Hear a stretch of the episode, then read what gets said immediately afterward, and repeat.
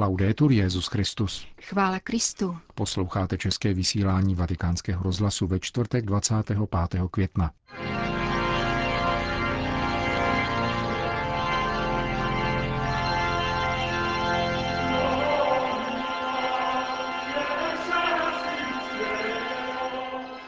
Janov se připravuje na sobotní pastorační návštěvu papeže Františka. Patriarcha Kiril věnoval papeži ikonu svatého Mikuláše. Mezináboženský dialog nelze redukovat na slogany o míru, říká apoštolský administrátor latinského patriarchátu v Jeruzalémě arcibiskup Pizzabala. To a mnohé další uslyšíte v našem dnešním pořadu, kterým provázejí Milan Glázer a Jana Gruberová.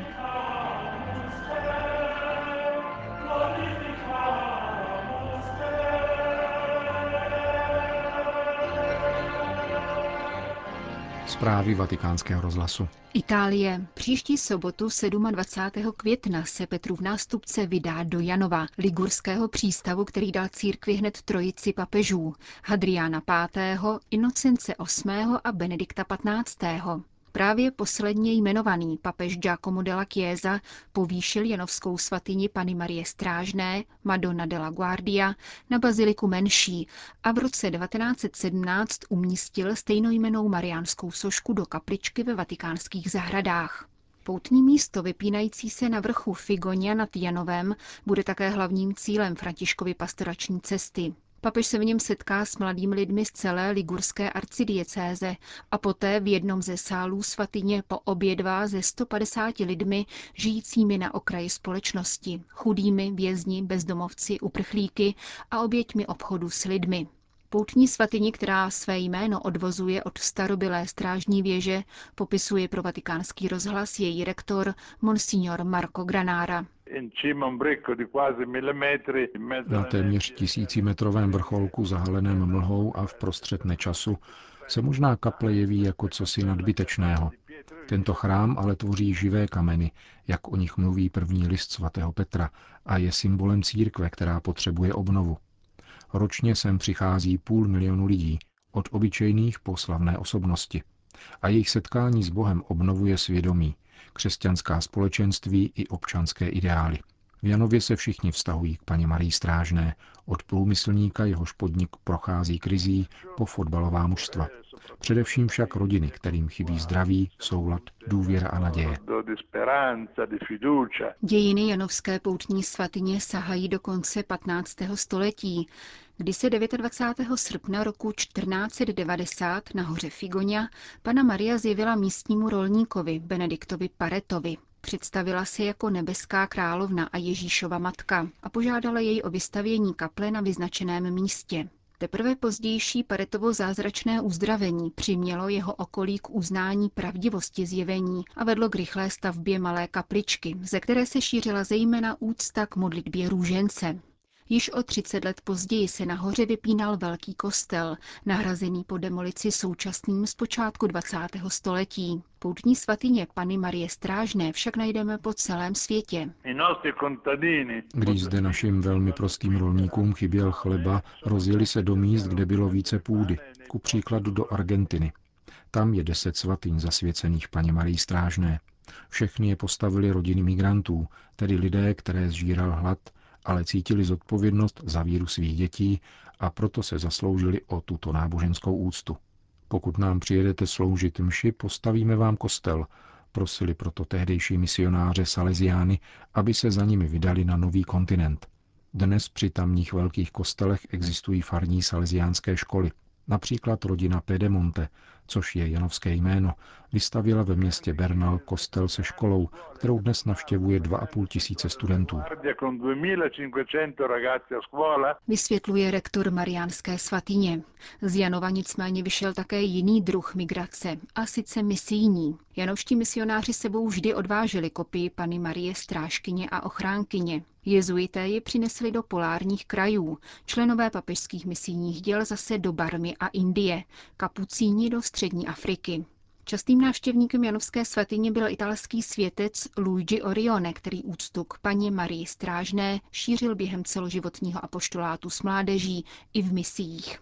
Vraťme se ale k programu papežské pastorační návštěvy. Papež v Mariánské svatyni poobědvá s lidmi, které společnost odepsala.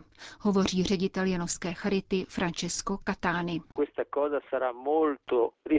Bude to zcela soukromé setkání. Někteří zaměstnanci charity a dalších institucí, kteří tam půjdou, budou vystupovat pouze jako průvodci.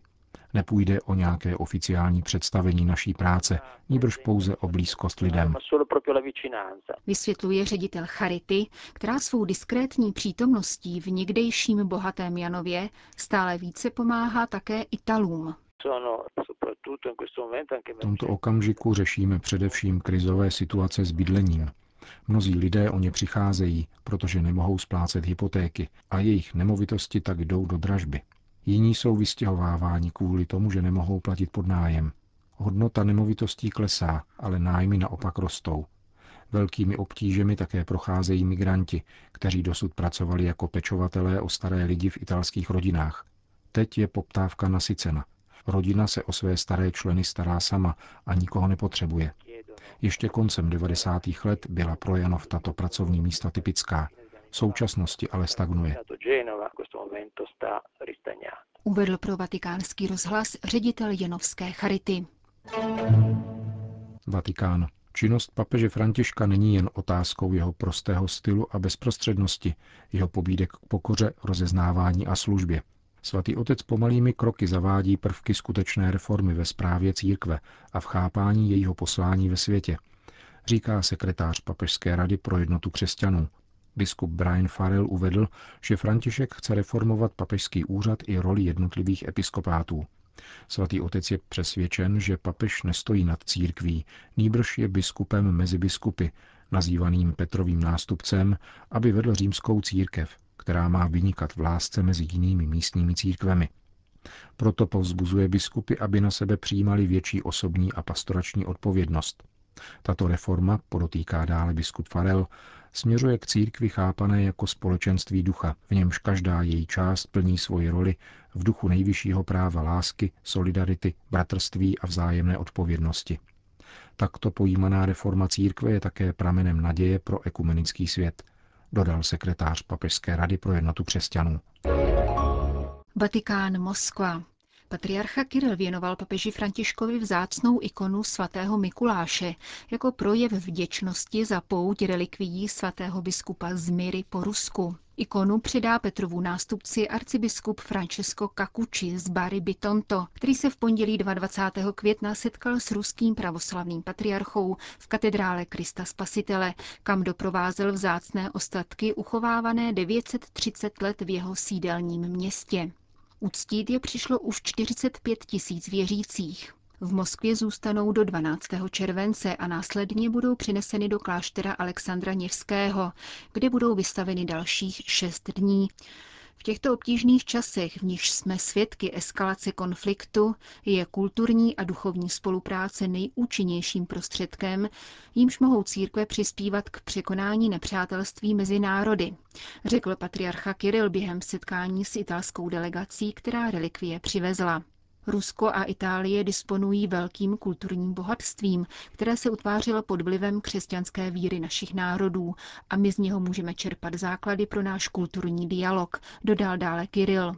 Patriarcha Moskvy a celé Rusy vyjádřil potěšení z této akce, která, jak řekl, je dalším konkrétním výsledkem našeho setkání s papežem Františkem na Kubě v únoru loňského roku.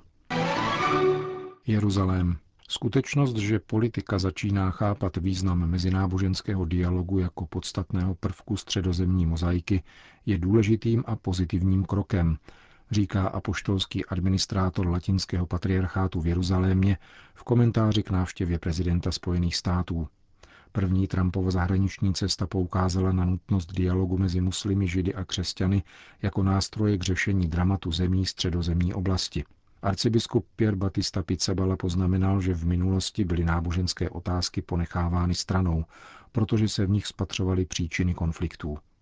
I kdyby to byla částečně pravda, právě proto je důležité obohatit dialog o náboženský kontext, dodal. Zdůraznil také, že náboženský dialog nelze redukovat na jakési deklarace, na slogany o míru, které se netýkají života. Pokud se mezináboženský dialog nedovolává konkrétního života věřících a jejich problémů, stává se heslem, které je nepotřebné, ba ještě hůř, stává se iritujícím. Pokud jde o stále diskutovaný status Jeruzaléma, arcibiskup Pierre Batista Pizzabella vyjádřil přesvědčení, že křesťané by měli více mluvit o významu jejich přítomnosti v tomto městě, protože pozemský Jeruzalém je důležitý pro ně a pro jejich víru. Filipíny. Islamisté ze skupiny Maute, která se přiznává k vazbě na tzv. islámský stát, v úterý večer zaútočili na katolickou katedrálu v Maravi City a unesli asi 15 věřících, kněze, několik řeholnic a lajků, kteří se zrovna v kostele modlili. Pro agenturu Fides to ve středu potvrdil biskup Edwin de la Pena, který vede územní prelaturu v Maravi City, městě na druhém největším filipínském ostrově Mindanao. Jak dodává, věřící se modlili v poslední den novény před slavností Pany Marie pomocnice křesťanů, která je v prelatuře uctívána. Teroristé vnikli do kostela a odvedli rukojmí na neznámé místo. Poté vtrhli na biskupství a odvedli také generálního vikáře otce Terezíta Soganuba. Nakonec podpálili katedrálu i biskupství, které lehly popelem. Jsme v šoku, řekl biskup de la Pena.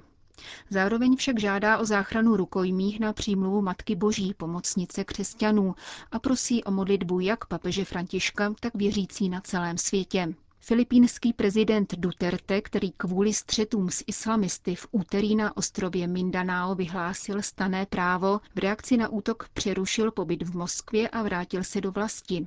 Zhruba stovka ozbrojenců skupiny Maute se opevnila ve městě Maravy a vypálila také tamní věznici a dvě školy. Filipínská armáda obklíčila město, jehož obyvatelé se nyní obávají krve prolití. Starosta Maravy požádal vojáky, aby město nebombardovali, protože v něm žije 200 tisíc civilistů, převážně muslimů.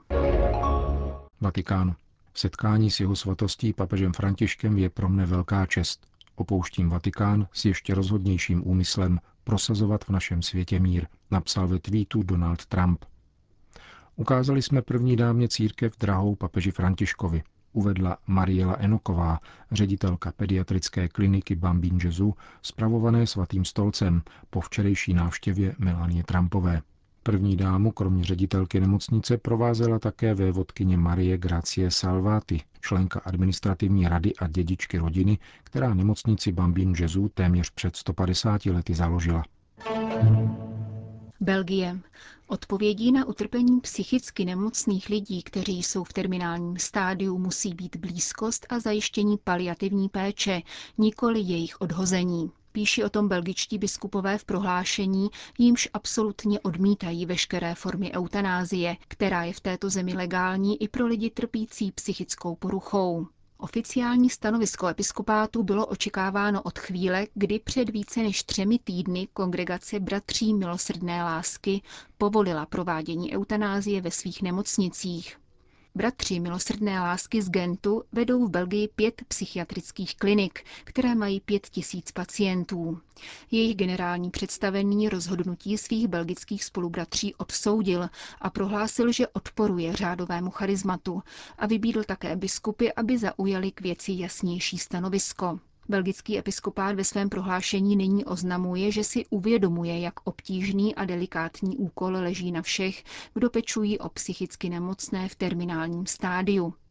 I svědomím nesmírného psychického utrpení, i toho, že daný člověk může prožívat drama a nevidět perspektivy, potvrzujeme rozhodné odmítnutí veškerých forem eutanázie, zdůrazňují belgičtí biskupové.